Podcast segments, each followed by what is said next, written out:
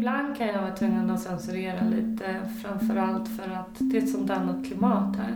Så det som människor i USA skulle tycka att, ja ah, men vad häftigt liksom. Va, gör de det här? Gud vad coolt och jag vill komma ut och besöka och det låter helt sjukt. Men här i Sverige så blir det ju mer, vad är det här? Är det någon sorts religion eller är det någon sorts sekt eller vad, vad håller du på och röker eller, och, ja. Och mm. så är det ju inte liksom. Men det skapar mycket rädsla för att det finns inget liknande här. Sisters of the Valley föddes i Kalifornien 2014 och uppmärksammas ofta i amerikansk media under rubriker i stil med “Nunnorna som tjänar miljoner på medicinsk cannabis”. De klär sig som nunnor, kallar sig systrar och aktivister med främsta uppgift att producera medicinska produkter av cannabis i en anda av spiritualitet. Svenska Lina kom till Sisters of the Valley för att skriva en uppsats i socialantropologi 2016. Efter att ha skrivit såväl uppsats som en bok om grundaren Sister Kate bestämde hon sig för att själv gå med i systerskapet där hon fick namnet Sister Rosa. Innan vi börjar vill jag som vanligt rikta ett stort tack till er som stöttar podden, såväl ekonomiskt som i form av pepp och värdefull feedback. Tack! Tack också till alla er som sprider avsnitten via sociala medier. För dig som vill stötta podden via Swish är numret 0702 88 11 59. 0702 88 11 59. För dig som föredrar Paypal eller Patreon finns länkar i texten under avsnittet. Sist men inte minst, jag blir superglad varje gång jag ser att podden har fått en massa nya stjärnor av er som lyssnar på iTunes. Så nu kör vi igång. Vad kul att du kunde komma hit till Cannabispodden, att vi fick till det. Ja, tack. Jag tänker att vi börjar med den allra mest intressanta frågan. Vem är Sister Rosa? Jag är syster i Sisters of the Valley, som är en organisation i centrala Kalifornien eh, som tillverkar CBD-produkter och som också har en del spirituella värderingar och, och liksom jobbar tillsammans och ber tillsammans och har liksom ett större perspektiv än bara själva produktionen av CBD, men det är det de lever på. Och alla systrarna i Sisters of the Valley har systernamn. Så hon som har startat organisationen heter Sister Kate och eh, jag heter Sister Rosa. Det finns Sister Alice, Sister Sierra, vi har ett gäng systrar. Hur många är ni ungefär? Nu är vi väl ungefär 20 personer, mm. så det är inte så stort. Nej. Och ni brukar kallas, i media kallas ni eh, så gott som nästan alltid för cannabisnunnorna. Mm. Ja, weed nuns, mm. vilket låter bättre på engelska tycker jag. Men, ja. men det gör ju syster Rosa också, syster Rosa låter inte så bra. Uh, ja. Men och hur kommer det sig? För ni har ju också kläder som, som, som är... Nunnor, liksom. ja. Jag tror att det är en blandning av saker. Dels är det att syster Kate växte upp som katolik. Ehm, vi har en kvinna som har varit nunna men som inte är det längre. Hon var 12 år var hon en, en Catholic nun. Jag kommer inte ihåg vilken order hon var med i men i vilket fall. Ehm, och det är många som har varit katoliker som nu är systrar. Men i grunden så är det ju inte för att det ska vara den katolska bilden utan vi modellerar oss efter en organisation som fanns i hela Europa på medeltiden som hette Beguins. Som var en order av kristna kvinnor som klädde sig så som man gjorde när man skulle visa liksom, eh, modesty eller vad heter det på svenska? Att man skulle visa att man, att man utförde ett visst typ av arbete. Mm. Alltså att man jobbar för att hjälpa människor. Eh, man hade vissa spirituella värderingar och sådär. Eh, och de levde ju tillsammans, de jobbade tillsammans, de bad tillsammans. Men de var inte en del av katolska kyrkan. Eh, det var liksom ingen, det var ingen problem att så här, lämna orden, det var ingen sekt eller sådär. Utan det var bara att de levde tillsammans som kvinnor, de hade bestämmande rätt över sig själva, de gifte sig inte. Och de hade vissa typer av värderingar när det kom till vilket typ av arbete de utförde. Mm. Och hur kom du i kontakt med det här? Ehm, jag gjorde en uppsats i socialantropologi. Så när jag var 26 eller något sånt så skulle jag göra min masteruppsats. Och då först hade jag tänkt göra det på ett helt annat ämne. Men så träffade jag då en kille som jag gillade väldigt mycket och eh, bestämde mig för att nej, men jag följer med honom till Kalifornien, för han bodde i Kalifornien. Eh, och då behövde jag byta fält. Och precis då, det är så sjukt, för precis när jag kom till USA, det var samma vecka som Trump blev vald och cannabis blev legaliserat. Så det var en väldigt så här, omtumlande tid att komma dit. Liksom. Men då hade jag ju valt att ja, men jag skriver om cannabis för att det är ett jätteintressant fält och jag har ju alltid varit intresserad av sådana frågor. Jag tycker att det är superintressant med varför varför exempelvis cannabis är så stigmatiserat och varför vi har de här väldigt moraliska värderingarna när det kommer till, till vissa typer av droger och människor hur de brukar dem och så när det egentligen inte påverkar så många andra. Um, så, att, så jag ville undersöka hur det var i Kalifornien och varför det var så annorlunda där. Liksom. Jämfört med Sverige? Jämfört med Sverige, ja.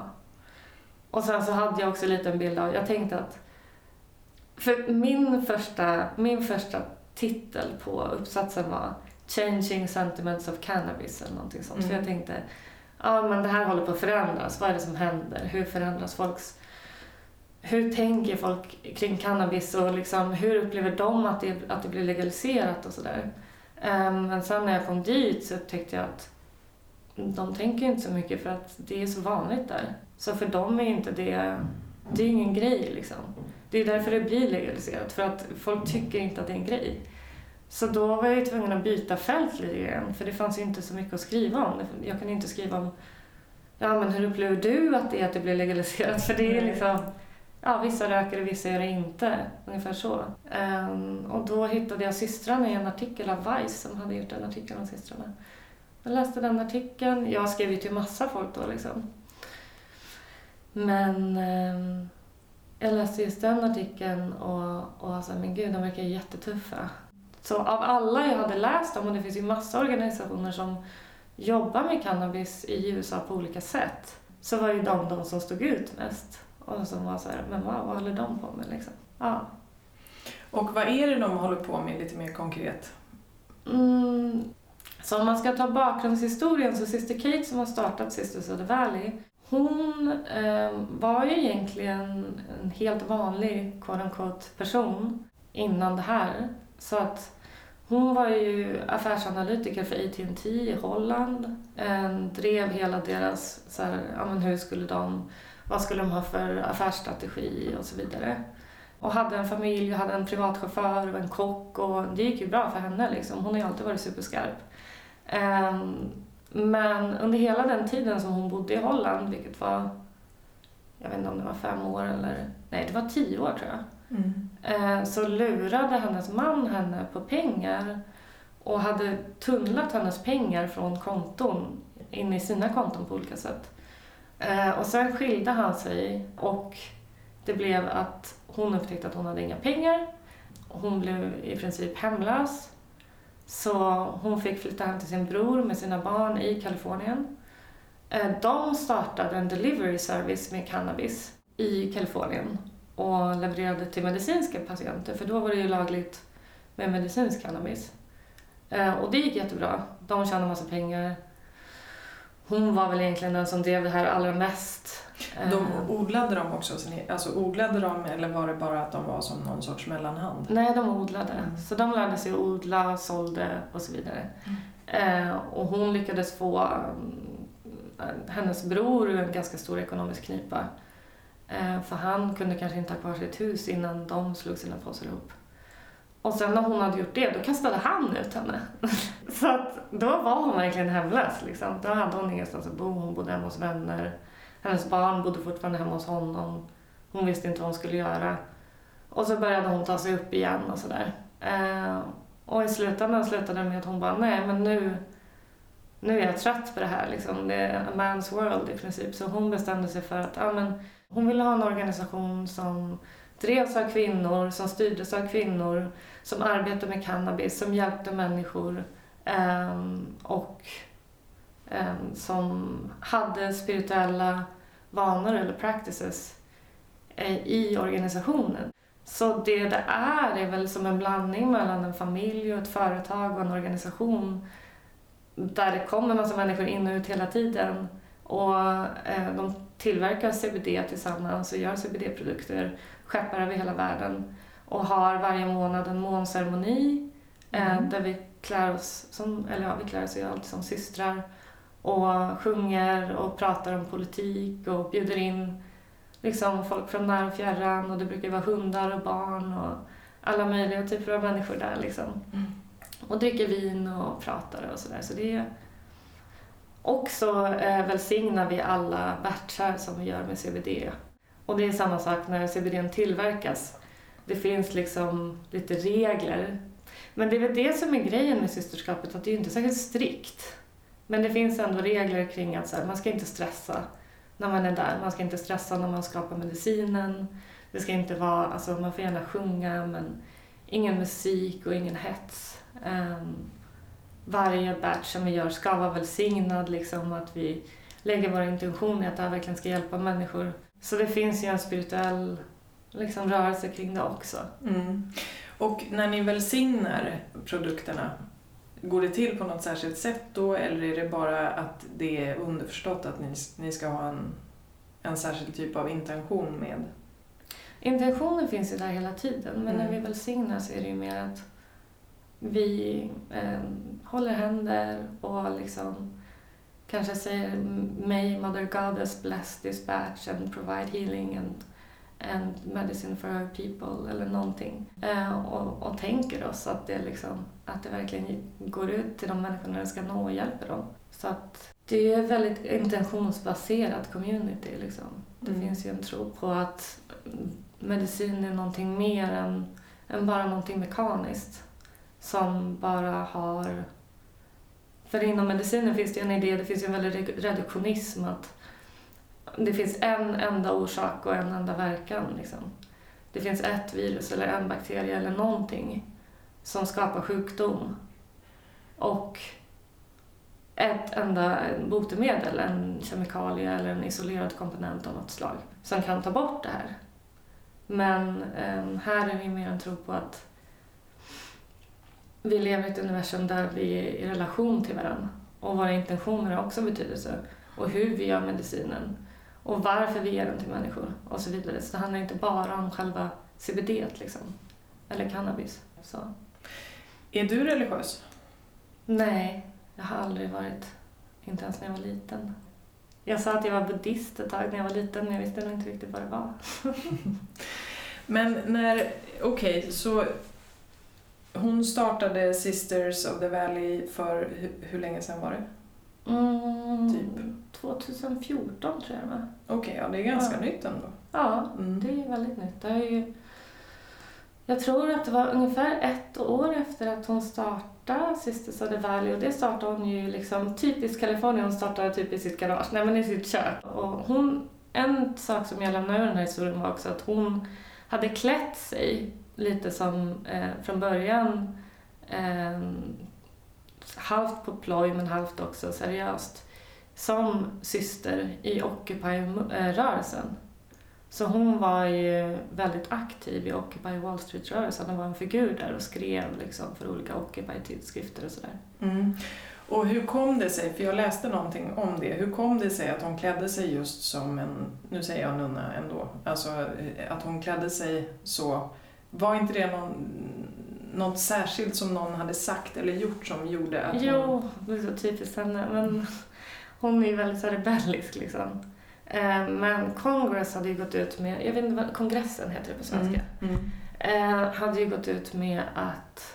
För Michelle Obama hade ju sina politiska frågor som hon jobbar med medan Barack Obama satt eh, som president.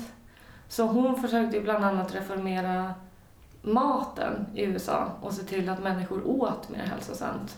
Och framförallt barn och sådär. Så hon hade ju sagt att ja, men vi behöver liksom förbjuda exempelvis eh, eller inte förbjuda, jag kommer inte ihåg vad det var för de har ju inte riktigt skolmat på det sättet. Jo, i grundskolan tror jag de får gratis. Eller om de tar, ah, ja, skitsamma. Det var någonting med att de försökte få bort pizza eh, i maten som barn fick. Att människor skulle äta mer grönsaker. De försökte få till någon regleringsändring eller regulation change liksom. Eh, och då gick kongressen ut och sa att pizza är en grönsak. Så att de skrev in pizza som en grönsak. Vilket är helt bisarrt. Men för att ha tomatsås eller någonting då? Ja, jag vet inte hur tänket gick där liksom. Men då sa syster Kate att om pizza är en grönsak då är jag nunna och så började hon klä sig som nunna i Occupy Wall Street-rörelsen och blev syster Occupy. Och från det växte hela idén om ja men jag kan ju göra det här liksom på ett annat sätt också. Ja, det, det är en ganska kul parentes hur det blev just så. Mm. Men okej, okay, så och sen kom du dit 2016 för att skriva din uppsats. Uh, ja, jag kom dit, jag skrev till dem, hon svarade och sa ja men du kan komma hit. Hon är väldigt så rättfram. Mm. Uh, så jag kom dit, jag fick sova i paketeringsrummet. Varje morgon fick jag liksom skynda mig och klä på mig för då började folk komma in och skulle liksom paketera varor och sätta igång och jobba. Um, och jag gjorde intervjuer och lärde känna de andra systrarna där. Var ju en helt annan värld liksom än den världen jag kommer ifrån. Uh, som svensk och liksom inte så van vid, vid att cannabis finns på det där sättet eller alla röker hela tiden liksom och det är väldigt så här, familjärt och väldigt högljutt och, och helt annan kultur. Ja. Och vad är det, om du ska beskriva bara, vad är det för plats? Mm. Eh, det är ju The Abbey som de kallar det då. Det är två små hus. Eh, det ena huset är ett kök och ett vardagsrum eh, och lite sidorum, så här gästrum och sådär. Och Kates och Miss Presley då, som är administratör, deras kontor. Och sen så är det en trädgård där man bland annat odlar och sådär. Och ett annat litet hus där man paketerar och producerar medicinerna. Eller de kallar det för medicinerna, det kanske man inte skulle göra i Sverige men eh, Absolut inte. Nej. men producerar, jag antar att det är ett lite mer brett begrepp i USA för att även där så säger de ju inte det här har den här den här verkan för det får man ju inte göra men de kallar det ändå för the medicine, men de paketerar i alla fall CBD-oljan mm. eh, och producerar den i det andra huset. Eh, ja. Mm.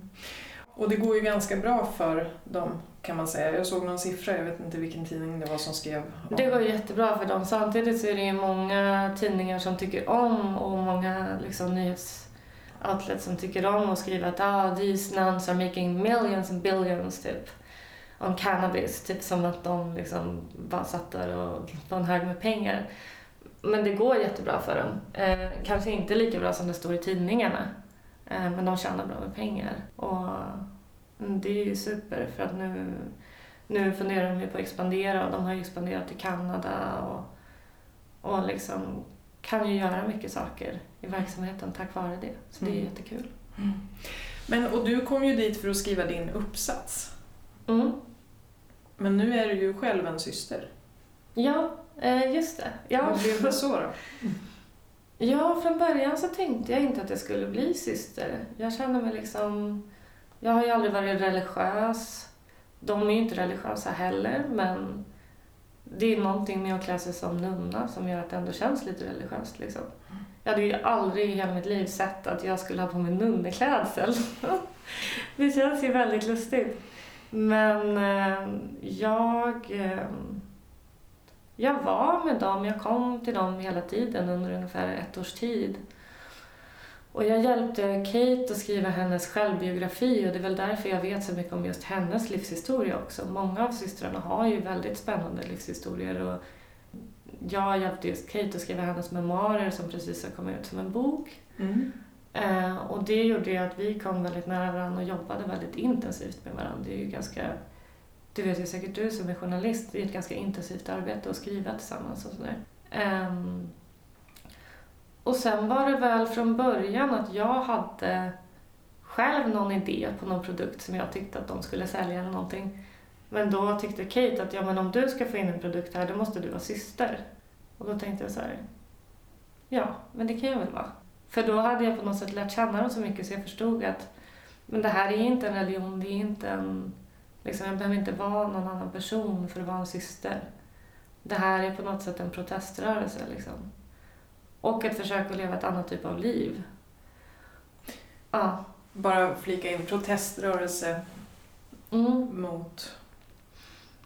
Mot det som verkligen känns som en proteströrelse med dem är ju att de klär sig som systrar och de tar spirituell, alltså de tar platsen som andliga ledare på något sätt. Och många människor ser verkligen upp till dem eh, och beundrar det de gör och skriver till oss hela tiden och, och kommer från långväga liksom när, när, när de åker och gör föreläsningar någonstans eller visar sig någonstans och sådär. Men har liksom inte någon institution av män i ryggen som sitter och bestämmer vad de ska få säga eller inte. De har liksom tagit den platsen.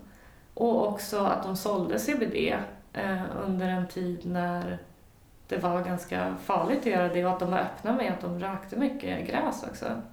Eller cannabis då. Under en tid när det var ganska farligt att göra det. Farligt på vilket sätt då? Eh, På det sättet att det var inte legaliserat än och folk hamnade i fängelse för det. Så att det var ju innan legaliseringen. Och människor hamnade i fängelse, även i Kalifornien. Så var inte det ovanligt. Så att det var ju någonting... Jag menar, de var ju anarkister i grunden. Liksom. De drev den här verksamheten, la in alla sina pengar i den. Ehm, men levde på någonting som när som helst skulle kunna bara försvinna i tomma luften. Så på det sättet, ja. Men de klarade sig ändå ifrån Ja, fängelse? De och... klarar sig och jag vet inte riktigt vad det är som gör att de har varit så välsignade på det sättet. Men det är väl också människor som just Sister Kate och alla andra i USA som har gjort att det har blivit legalt. Liksom. Och det har ju varit en väldigt stor rörelse med människor som har gått emot lagen och ändå haft sådana här typer av verksamheter eh, under många år. Och det är väl det som gör att till slut blir det så accepterat att det är så okej men det är det här folket vill liksom, då legaliserar vi. Men ett tag så var det ju tal om att eh, sheriffen i området ville, liksom, han sa ju eh, till journalister och så som kom dit att men vi kommer bust them, liksom, we're gonna bust their asses typ och eh, vi kommer ta ner den där verksamheten och det där är bara eh, liksom, de kommer sitta i fängelse och allting sånt. Um, men det blev inte så. Och jag vet att Syster Kate hade tydligen gått upp till någon sheriff i området någon gång och sagt Är det du som vill sätta mig i fängelse eller? och då hade han blivit lite så här ställd och så hade hon bara Men du får komma över på en fika någon gång och så hade han gjort det och sen Sen var det inte så dålig stämning som det hade varit innan för att mycket av den antagonismen som fanns i området tror jag kom från rädsla liksom. Ja, vad är det här? Är det någon konstig sekt eller vad är det? Liksom, varför klär han sig så här konstigt och cannabis? Och det fanns mycket misstänksamhet och sen när folk har börjat förstå att men det här är en helt legitim verksamhet, de skapar jobb, betalande jobb, vita jobb i en re region som är ganska depressed, liksom, som inte har mycket pengar, där det är mycket kriminalitet och så vidare.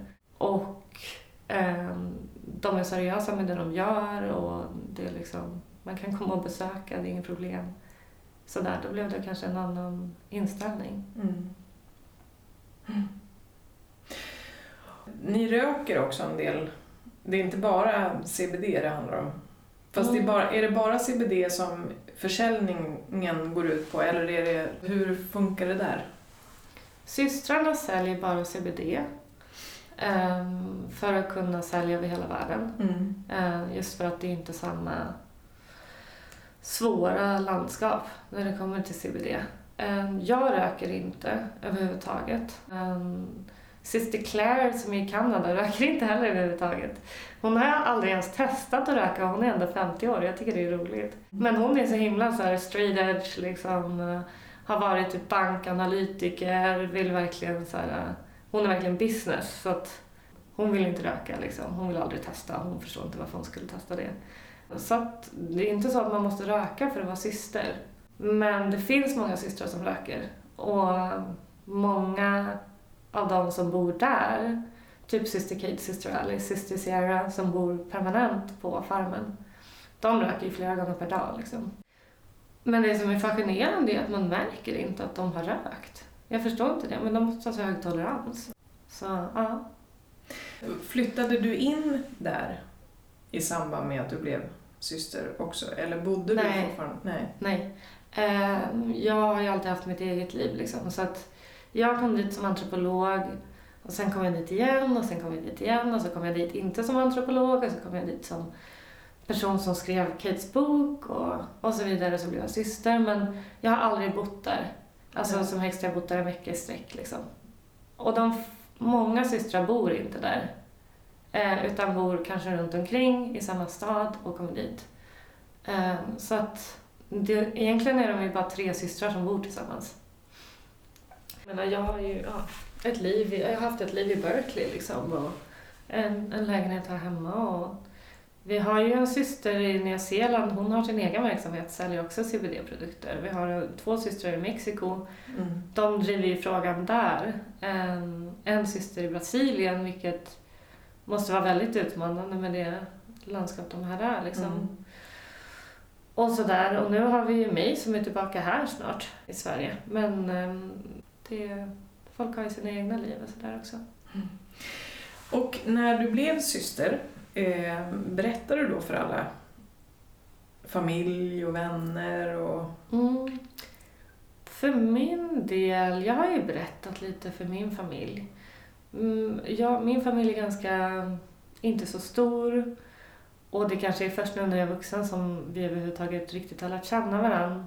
Okej. Så de lägger kanske inte näsan i blöt för mycket. Men eh, ibland kan jag vara tvungen att censurera lite, framförallt för att det är ett sånt annat klimat här. Mm. Så det som människor i USA skulle tycka att, ah, men vad häftigt liksom, gud vad, va, gör de det här? Gud vad coolt och jag vill komma ut och besöka och det låter helt sjukt. Men här i Sverige så blir det ju mer rädsla liksom. Alltså jag har haft människor som har varit så här, men är det här någon sorts vad är det här? Är det någon sorts religion eller är det någon sorts sekt eller vad, vad håller du på och röker eller och, ja, och Mm. så är det ju inte liksom. Ehm, Men det- det skapar ju mycket rädsla för att det finns inget liknande här. Och folk blir väldigt misstänksamma och sen kan man inte heller ringa in systerskapet riktigt med ett enda ord. Eller ja, det är de här. Nej, de är bara ett företag. Nej, men de är, ja, men de är en religion. De tror på det här. Utan det är en väldigt brokig skara människor som försöker skapa något nytt typ av liv. Liksom. Mm. Ett nytt sätt att leva. Och hur var din egen, alltså innan du kom dit, hur var din egen eh, relation eller inställning eller vad man ska säga till cannabis? Alltså vad har du, vad hade du med dig när du kom dit? Ja, jag hade ju testat att röka lite när jag var yngre. Men jag har ju aldrig varit någon så här äh, ganja liksom. jag vet inte så här förespråkare så. Ehm, men det som alltid har stört mig är hyckleriet som omgärdar eh, cannabis, Mm. men även många andra typer av droger. Alltså att speciellt unga använder många droger, i Stockholm till exempel. Eh, och ändå låtsas som att de inte gör det. Eh, när man frågar folk om det så, så nej men då vill de inte prata om det liksom. Det finns liksom locket på. Det är som att människor lever dubbelliv för att det är så mycket stigma kring de här frågorna. Och det blir väldigt mycket okunskap och det blir väldigt mycket människor som skadas i det och tror att allt är lika farligt eller lika bra. Och det är liksom, jag ser, och det blir väldigt många människor som blir kriminaliserade för saker som inte borde vara kriminella. Jag tyckte bara att det var en fråga som, som jag, jag var nyfiken på för att den är så brännhet liksom när det kommer till just Sverige Mm. och den politik vi har haft här. Så ja, det är väl därför jag, det intresset väcktes liksom. Jag förstår. Och vad, följer du den svenska debatten, alltså cannabisdebatten, den som finns? Alltså jag har väl aldrig följt den jättenära. Jag måste säga att jag har följt den mer i USA. Ehm, jag har ju... Alltså, för att när jag åkte till USA så fanns det ju ingen cannabisdebatt i Sverige. Alltså, det väl snarare så jag upplevde det. Det fanns ju ingen debatt. Det var ju lite därför jag var så nyfiken på det när det kom till USA. Att så här, Mm. jaha, här pratar folk om det. Liksom. Här är det en fråga. Liksom. Här förändras någonting. Medan i Sverige så jag, jag kommer ihåg att det var ju någon politiker som gick ut eh, från Moderaterna, eller vad var det, som, som ville typ ha ett samtal om cannabis. Och, Ja, det har varit några Ja. från olika. från olika håll. Och blev i princip utkastad.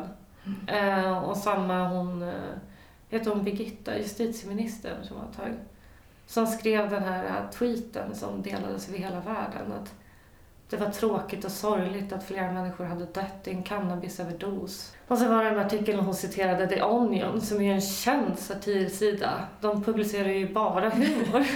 alltså, så att hon publicerade den och hon är justitieminister och hon har hand om de här frågorna och hon vet inte ens att Nej. man inte kan överdosera cannabis. Beatrice Ask var det va? Beatrice Ask, det är det Mm. hon heter, inte Birgitta. hon fick ett nytt namn nu. Mm. Ja. Så att det är väl den nivån har varit här liksom. Så jag vet inte om, nu börjar det väl bli en debatt men jag har inte riktigt märkt att det fanns någon innan. Hur skulle du säga att debatten var när du kom till Kalifornien då? Alltså hur, hur gick snacket? Det var ju väldigt roligt för när jag kom dit var det så här, ja man nämner för folk att jag håller på att skriva den här uppsatsen. Jag vill kolla liksom hur debatten är kring cannabis eller hur pratar folk kring de här förändrade eh, liksom uppfattningen om cannabis och, och hur känns det att det håller på att bli legaliserat och, och vad är det som förändras i liksom, hur människor ser på det här och så. Och då ju folk så här, oh really? So you wanna go out and have smoke? Typ. så att alla rökte ju, eller, och de som inte rökte nästan var så här, nej, det är lite som om man inte typ dricker eh, vin eller dricker kaffe i Sverige. Att det är så här, nej, jag, jag gör ju det bara ibland så jag är inte så van liksom. Och så här, ja. Ehm, så det var ju liksom, den vinkeln fick jag ju släppa på en gång. Det var ju så här, jaha okej, det Mm. finns inte någon, det är ingen förändrad diskurs utan, mm, alltså det, på det sättet finns det ju ingen diskurs för att folk har accepterat det redan Mm. i Kalifornien. Mm. Sen är det säkert annorlunda om man kommer typ till Tennessee eller någonting. Men eh, den debatten som däremot fanns var ju kring, så jag pratade till exempel med Students for Sensible Drug Policy som är en jättestor organisation i USA Mm. som eh, jobbar över hela världen med, eller nej, de jobbar, i, förlåt, de jobbar med frågor om hela världen, men de jobbar i hela USA kring sensible drug policy. Vilket bara det är så här, tänk om det skulle finnas i Sverige, Students for sensible drug policy, och det är studenter från Harvard, Yale, Stanford, Berkeley som liksom har den här jättestora kroppen, den här jättestora lobbyorganisationen Mm. som jobbar just med att vi måste sluta ha det här eh, war on drugs. För att det är människor över hela världen som far illa, inte bara i USA utan hela världen. Mm. Eh, av att man kriminaliserar marijuana till exempel, eller cannabis. Jag vill inte använda ordet marijuana. Men som kriminaliserar cannabis, det gör ju att i länder som till exempel Filippinerna eller Thailand eller där det inte finns eh, mänskliga rättssystem ehm, eller mänskliga, men det finns inte de human rights liksom. ehm. och så kommer USA in och har pressat i princip hela världen och FN, genom FN också, pressar hela världen till att ni måste vara jättehårda med det här och vi vill inte att det kommer droger från de här länderna in i USA och bla bla bla. Mm. Så slutar det ju med att de i princip har razzior som dödar människor Mm. för att de röker cannabis eller för att de brukar den ena och den andra drogen. För, eller att folk hamnar i fängelse i 30 år i helt omänskliga förhållanden. Eller att man liksom bombarderar eh, Colombia med, med gifter eh, för att få bort eh, liksom kokainodlingar. Men även eh, i USA att typ två, jag tror jag hörde en statistik om att två av fem svarta mm, manliga amerikaner har suttit i fängelse. Och de flesta, många av dem hamnar i fängelse på grund av att de har rökt cannabis. Eller något annat löjligt. Och sitter i fängelse i flera år, förlorar sina jobb, hamnar på gatan. Alltså, och förlorar rätten att rösta i många delstater. Så det är sådana frågor som det pratades om väldigt mycket. Att, vad har hänt liksom? Det här... Så det är egentligen inte så mycket, för jag tänker att ofta när man pratar om de här frågorna i Sverige, alltså inte med alla människor givetvis, men ofta så hamnar diskussionen vid att, låt säga att en person gärna vill se en förändrad drogpolitik. Mm. Då tas det väldigt snabbt och lätt för givet att det handlar om att det är någon som är pro-drugs. Mm, precis. Men det är ju inte riktigt där, det är inte riktigt det det handlar om. Nej. Utan det är snarare hur gör vi det här på bästa sätt för att människor inte ska fara illa. Det är det som är så konstigt i Sverige tycker jag också för att vi har en ganska pragmatisk politik i övrigt. Det är inte som i USA att vi sätter människor i fängelse i tio år för att de stal en TV. Eller eh, liksom tre år för att de hade ett litet innehav av någonting. Um, och um, vi tar inte bort rätten att rösta. Vi har inte en särskilt penalistisk stat. Vi har ju högre konsensus liksom, mm. men det är inte en sån penalism som det är i USA. Men när det kommer till just droger så har vi en politik som inte alls är pragmatisk. Och som inte alls tittar på forskning. Men vad är farligt? Hur kan vi, eh, hur kan vi förebygga det? Hur kan vi se till att människor har rätt information? Hur kan vi se till att människor kan få tag på rätt information eller få hjälp om det händer någonting eller vad som helst. Utan det är bara locket på, kriminalisera. Mm. Och vi har ju högst dödlighet i världen. Eller jag vet inte om det är i världen, men jag har hört att vi har en av de högsta dödligheterna i Europa i alla fall. Ja, det har vi. När det kommer till just missbruk. Mm. Och det är i princip någonting som politikerna i sådana fall har sagt att ja men det, det ska vi ha för att vi vill liksom lägga locket på. Vi vill inte ha den här debatten. Vi vill inte ta i den här frågan. Nej. Och alltså det börjar ju förändras nu. Det känns som att det kommer att explodera på något sätt. Alltså det, det är ju väldigt många människor i Sverige som har jobbat för en annan drogpolitik som är mer human många år. Men det är ju sällan som sådana frågor lyfts på det sättet mm. heller. Utan det har liksom varit som att nej men vi tycker alla att droger är bara dåligt och farligt och borde inte ens pratas om. Ja men precis. Och det är ju som du sa också, alltså att om någon är pro att vi borde ha en debatt om, säg cannabis. Mm. Vi borde, och cannabis är ju en lätt fråga för att det finns liksom inte någon forskning som visar på att det skulle vara farligt. Eh, Om man är vuxen. Ja, ja, och absolut, det finns forskning som visar på, nu ska vi göra en disclaimer då, men det finns forskning som visar på att det kan vara farligt om man har schizofrena anlag och sådär. Ja. Men överlag så, så den är inte av den graden att ja, men du röker och du får skador eller du kan överdosera eller du blir beroende eller sådär. Um, men om man tar en sån fråga och vill diskutera det, mm. då ses det ju ofta som att man är eh, själv en person som röker jättemycket. Mm. Och att enda anledningen till att man tar upp det mm. är för att man själv vill röka jättemycket. Så det är som en ond cirkel och om man inte röker, om det är en person som inte röker, då är de ju ofta inte intresserade av den frågan. Nej, antar också alla hela tiden. För ja. det är ju också så att det har ju fått vara så att eh, många som har fått bära röst åt en annan typ av drogpolitik har varit just klassiska stoners. Mm. Och det är också synd, för det finns väldigt många människor som helt enkelt har synat en politik som absolut inte gör nytta och inte fungerar och ger mer skada än någonting annat. Ja, liksom.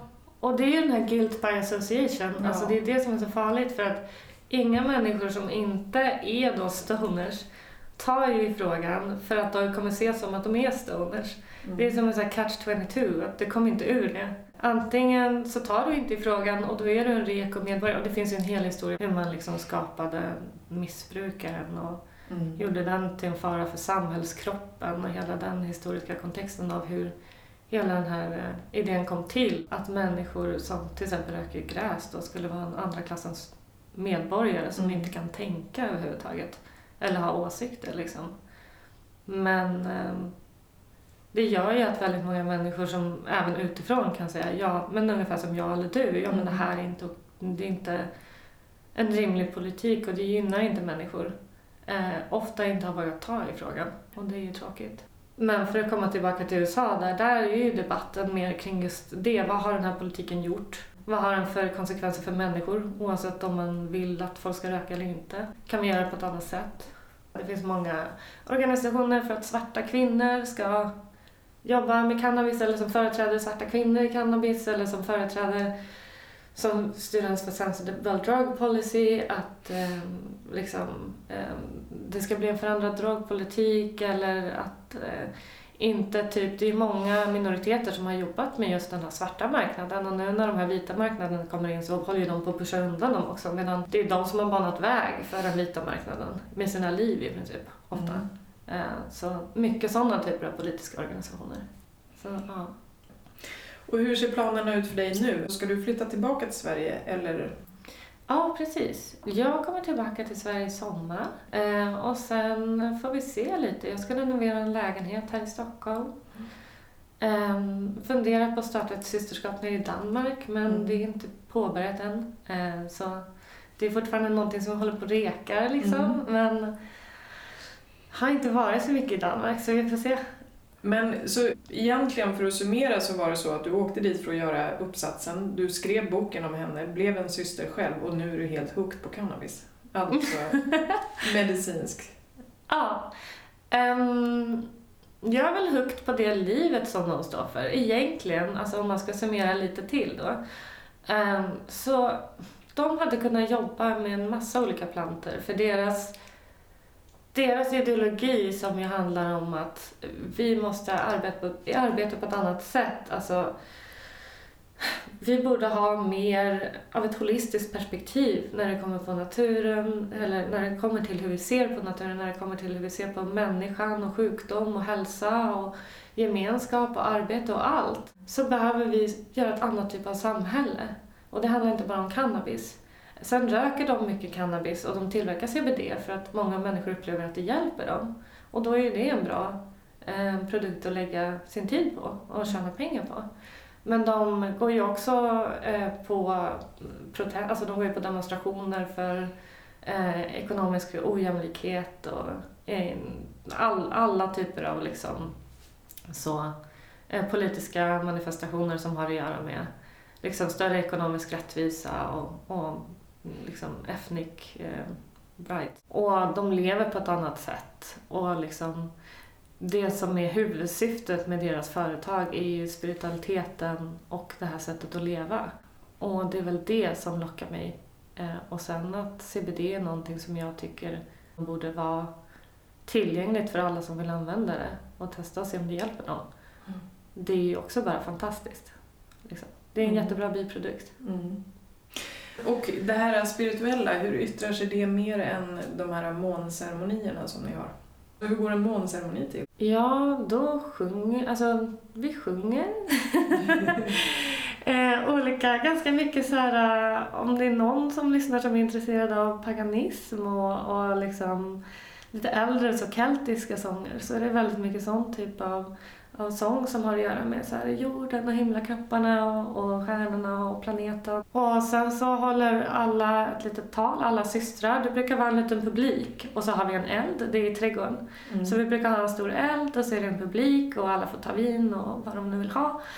Eh, och så sitter de ute på stolar och så sjunger vi som är systrar och sen så pratar vi om hur det ser ut i världen och vad vi behöver förändra och liksom varför vi behöver kanske en mer kvinnligt styre i världen eller varför vi behöver mycket högre jämlikhet och varför det behöver, behövs kvinnor som, som kan ta ett steg framåt i, och leda människor på, på en bättre väg. Liksom. Och, och sen så, sen så är det bara en fest. I princip. Och det spirituella i övrigt är väl mer att det är en väldigt spirituell, alltså det, det finns liksom inga pointers, det är väl det, det är ju ingen religion, men det är mer att vi ber ju för varje batch som vi gör. Vi gör allting. Jag har ju varit med och jobbat med dem också, men bara för skojs skull. Liksom. Vi gör allting med väldigt stor mindfulness. Alltså vi stressar inte när vi är där. Och, eh, många av systrarna är med sina barn till jobbet, så de är ute och leker i trädgården och det finns hundar och katter. Så det är nästan som att gå tillbaka i tiden på något sätt. Men samtidigt så använder vi ju moderna redskap och det är inte någon sån mormoner liksom. Men, ehm, det är bara en önskan om ett annat, kanske mer mindful typ av liv. Mm. Så. Det är svårt att summera det på något sätt, men det är bara en annan typ av miljö. Jag har aldrig upplevt en sån miljö. Och jag har ändå varit på väldigt många platser i världen. Eh, som antropolog och också bara som en person som gillar att resa och utforska saker. Liksom. Mm. Men och om du skulle då ta med dig, alltså om du då startar en eh, systerrörelse i Norden exempelvis, Ja.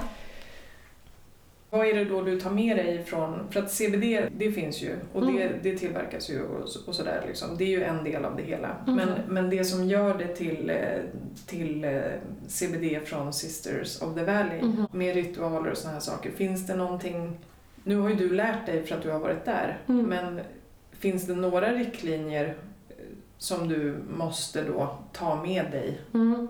Ja, vi har ju några riktlinjer som man måste följa om man är syster. Ehm, en av dem har ju redan råkat bryta nu, men jag vet aldrig riktigt hur man ska förhålla sig till det, vilket är att vi helst inte pratar om våra eh, privatliv, typ om vi har partners eller sådär. Okej. Ehm, alltså i privatlivet kan man göra det, men som systrar. Ja, okej. Ehm. Med varandra eller? Nej, med Media. media, okej. utåt. Ehm, mm, andra regler är att ta hänsyn till miljön, att försöka göra så lite skada som möjligt och försöka istället skapa en positiv inverkan på miljön. Mm. Till exempel att odla hampa eller att uppmuntra den industrin har en positiv inverkan på miljön. Och ehm, vi får inte samla på oss, alltså vi får inte samla på oss ostentatious wealth. Alltså man, om du har bra med pengar, det är väl inget problem egentligen, men det ska inte finnas ett systerskap som syftar till att någon syster ska bo i ett jättestort fint hus och ha en Rolls Royce och samla på sig pengar och försöka expandera så mycket som möjligt. Utan syftet är att pengarna går tillbaka in i verksamheten och att du lever ett bra liv. Ingen ska ju leva fattigt eller dåligt. Men den här kapitalistiska modellen där det är expansion för expansionens skull, där man bara ska ha så mycket pengar som möjligt. Det är liksom lite av en antites. Och sen eh, liksom äta vegetariskt och eh, ha eh, acceptans för alla. Vi har en regel som är no, vad heter den? Eh, no content. Alltså att om någon har en tro eller en övertygelse om någonting, så länge den inte skadar någon annan så får man inte liksom håna någon för det eller se Nej. ner på hur någon annan ser världen utan det ska finnas en acceptans och liksom en kärlek för att alla är väldigt olika. Men att i grunden så ska vi verka för att liksom alla ska ha tillräckligt att äta, alla ska vara friska, vi ska leva i ett samhälle som ser annorlunda ut. Så ja, absolut, det är en helhetsbild. Om, om det inte det fanns skulle det inte vara ett systerskap liksom. Nej. Om någon vill läsa din bok om syster Kate, Ja. Den heter The Accidental Nun. Och jag ska också göra reklam för att det kommer ut en ganska galen dokumentär om systrarna just nu som heter Breaking Habits. Men såklart, ni borde ju köpa boken snarare än att kolla. Det spelar ingen roll. Eh, Men den säljs bara på systrarnas hemsida, men de skeppar ju över hela världen. Eh, Och vi bestämde oss för att självpublicera. Och jag vet inte riktigt hur vi ska göra nu, för det är svårare än vad vi tänkte från början att självpublicera.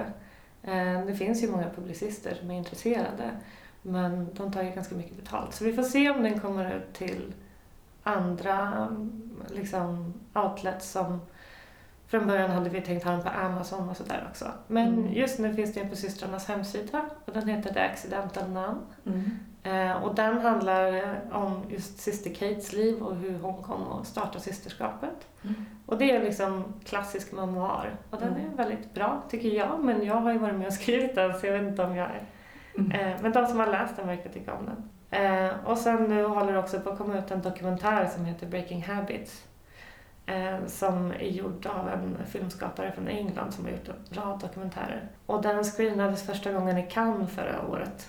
Och nu släpps den 420 såklart. Mm. Eh, på olika biografer i hela USA och den kommer finnas att köpa på iTunes och jag vet att Netflix har pratat om att köpa upp den men det beror på land, från land till land vilka länder den kommer finnas på Netflix och inte men annars finns den ju på iTunes. Mm. Ja. Kul! Och inga män är välkomna i systerskapet? Jo, jo, jo, de är välkomna. Det är inte någon sån, alltså, det är inte så att man skulle exkludera hälften av befolkningen, det vore ju inte rimligt liksom. Nej. Vi har ju Brothers också. Ja. Brother Rudy, han tar ju hand om liksom plantorna som vi har, eh, den cannabis som växer där och Mm. Brother Alex och ja, vi har lite olika brothers runt om och de hjälper till ganska mycket. De är väldigt så, eh, de har ju ingen eh, maktposition i systerskapet direkt så de får jobba ganska mycket för att vara där men de är ju jättevälkomna. Det skulle ju inte vara någon helhet om någon typ av människa var exkluderad. Och de, det skulle inte vara det systerskap det var utan våra brothers. Ehm, ja, men det är bara det att vi försöker ändå hålla det till att de som sitter i beslutspositioner är kvinnor. Mm. Och de som äger systerskapen, att det är kvinnor. De som Mm. bestämmer liksom, är kvinnor. Mm. Okej, men eh, vi kanske nöjer oss så Mm. nu och sen på återseende tänker jag. Ja, absolut. En uppföljare. Ja, det blir jättebra. Tack så jättemycket för att du kom hit. Ja, tack så jättemycket för att jag fick vara med. Jättekul. Jättekul, ja verkligen. Verkligen. För den som är intresserad av att veta mer om cannabisnunnorna finns, förutom boken om Sister Kate, mängder av artiklar att läsa i en rad amerikanska medier. Dokumentären Breaking Habits släpps alltså på internationella cannabisdagen den 20 april för den som blev nyfiken på den. Vill du som lyssnar komma i kontakt med mig eller med Sister Rosa finns våra mejladresser i texten här under avsnittet. Där finns även information om olika sätt att stötta podden för den som vill det. Hej då!